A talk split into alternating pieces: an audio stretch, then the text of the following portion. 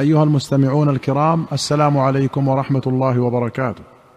في كتاب الأنبياء عليهم الصلاة والسلام باب الإسراء والمعراج أخرج البخاري ومسلم عن أنس بن مالك رضي الله عنه قال كان أبو ذر يحدث أن رسول الله صلى الله عليه وسلم قال فرج سقف بيتي وأنا بمكة. فنزل جبريل عليه السلام ففرج صدري ثم غسله بماء زمزم. ثم جاء بطست من ذهب ممتلئ حكمة وإيمانا فافرغها في صدري ثم أطبقه ثم أخذ بيدي فعرج بي إلى السماء.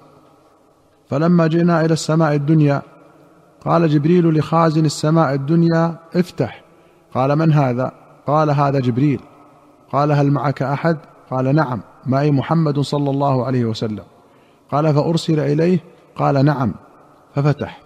قال فلما علونا السماء الدنيا فإذا رجل عن يمينه أسودة وعن يساره أسودة. جمع سواد. فإذا نظر قبل يمينه ضحك وإذا نظر قبل شماله بكى. فقال مرحبا بالنبي الصالح والابن الصالح. قلت يا جبريل من هذا؟ قال هذا آدم عليه السلام. وهذه الأسودة عن يمينه وعن شماله نسم بنيه أي أرواحهم. فأهل اليمين أهل الجنة والأسودة التي عن شماله أهل النار. فإذا نظر قبل يمينه ضحك وإذا نظر قبل شماله بكى. قال ثم عرج بي جبريل حتى أتى السماء الثانية. فقال لخازنها افتح. فقال له خازنها مثل ما قال خازن السماء الدنيا. ففتح.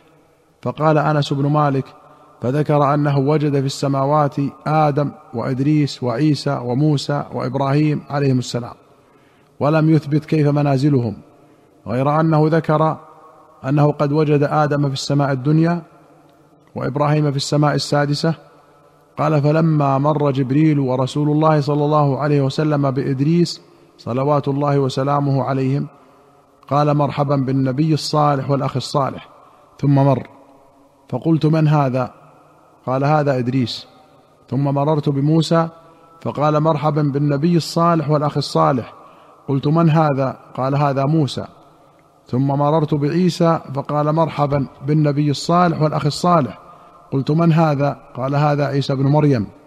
ثم مررت بإبراهيم عليه السلام فقال مرحبا بالنبي الصالح والابن الصالح. قلت من هذا؟ قال إبراهيم. قال ابن شهاب وأخبرني ابن حزم أن ابن عباس وأبا حبة الأنصاري يقولان قال رسول الله صلى الله عليه وسلم ثم عرج بي حتى ظهرت لمستوى أسمع فيه صريف الأقلام. قال ابن حزم وأنس بن مالك قال رسول الله صلى الله عليه وسلم ففرض الله على أمتي خمسين صلاة فرجعت بذلك حتى أمر بموسى فقال موسى عليه السلام ماذا فرض ربك على أمتك؟ قلت فرض عليهم خمسين صلاة. قال لي موسى فراجع ربك فإن أمتك لا تطيق ذلك. فراجعت ربي فوضع شطرها. فرجعت إلى موسى فأخبرته.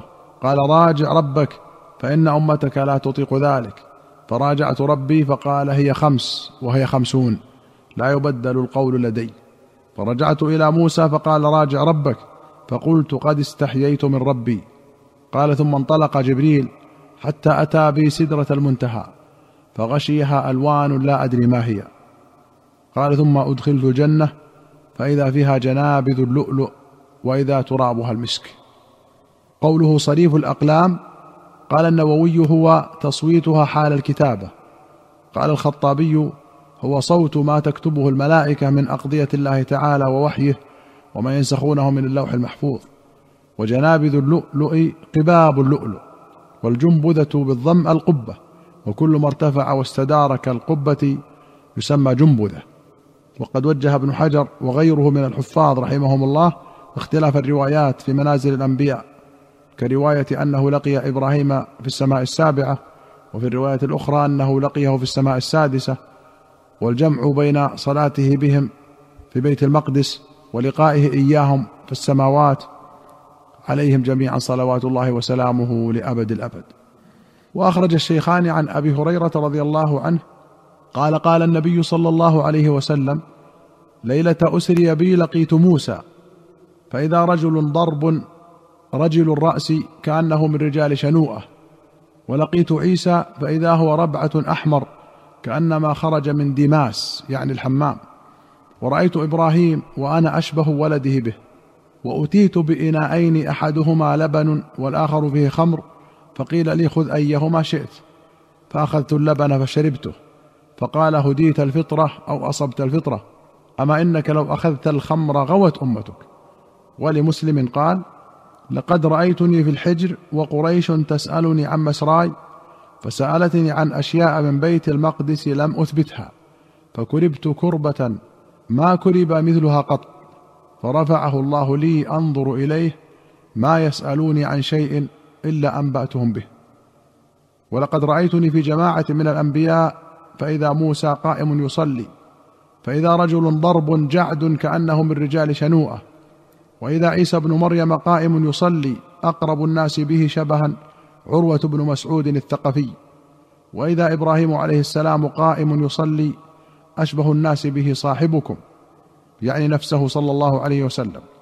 فحانت الصلاة فأممتهم. فلما فرغت من الصلاة قال قائل يا محمد هذا مالك خازن النار فسلم عليه. فالتفت إليه فبدأني بالسلام. قوله رجل ضرب أي نحيف ورجل بفتح ثم كسر أي دهين الشعر مسترسله غير جعد. وأما قوله في رواية مسلم رجل ضرب جعد فقال العلماء المراد بالجعد هنا جعودة الجسم وهو اجتماعه واكتنازه وليس المراد جعودة الشعر وهكذا حيث جاء فالجعودة هي الاكتناز والشدة سواء في الشعر أو في الجسم وشنوءة بفتح فضم فسكون حي من أحياء اليمن من الأزد. قال الداودي رجال الأزد معروفون بالطول والدماس الكن وقيل الحمام. وأخرج البخاري ومسلم عن جابر بن عبد الله رضي الله عنهما أنه سمع رسول الله صلى الله عليه وسلم يقول لما كذبتني قريش حين أسري بي إلى بيت المقدس قمت في الحجر فجل الله لي بيت المقدس فطفقت أخبرهم عن آياته وأنا أنظر إليه. روي فجلى بتشديد اللام وروي فجلى بتخفيفها وهما ظاهران ومعناه كشف وأظهر. أيها المستمعون الكرام إلى هنا نأتي إلى نهاية هذه الحلقة. حتى نلقاكم في حلقة قادمة إن شاء الله. نستودعكم الله. والسلام عليكم ورحمة الله وبركاته.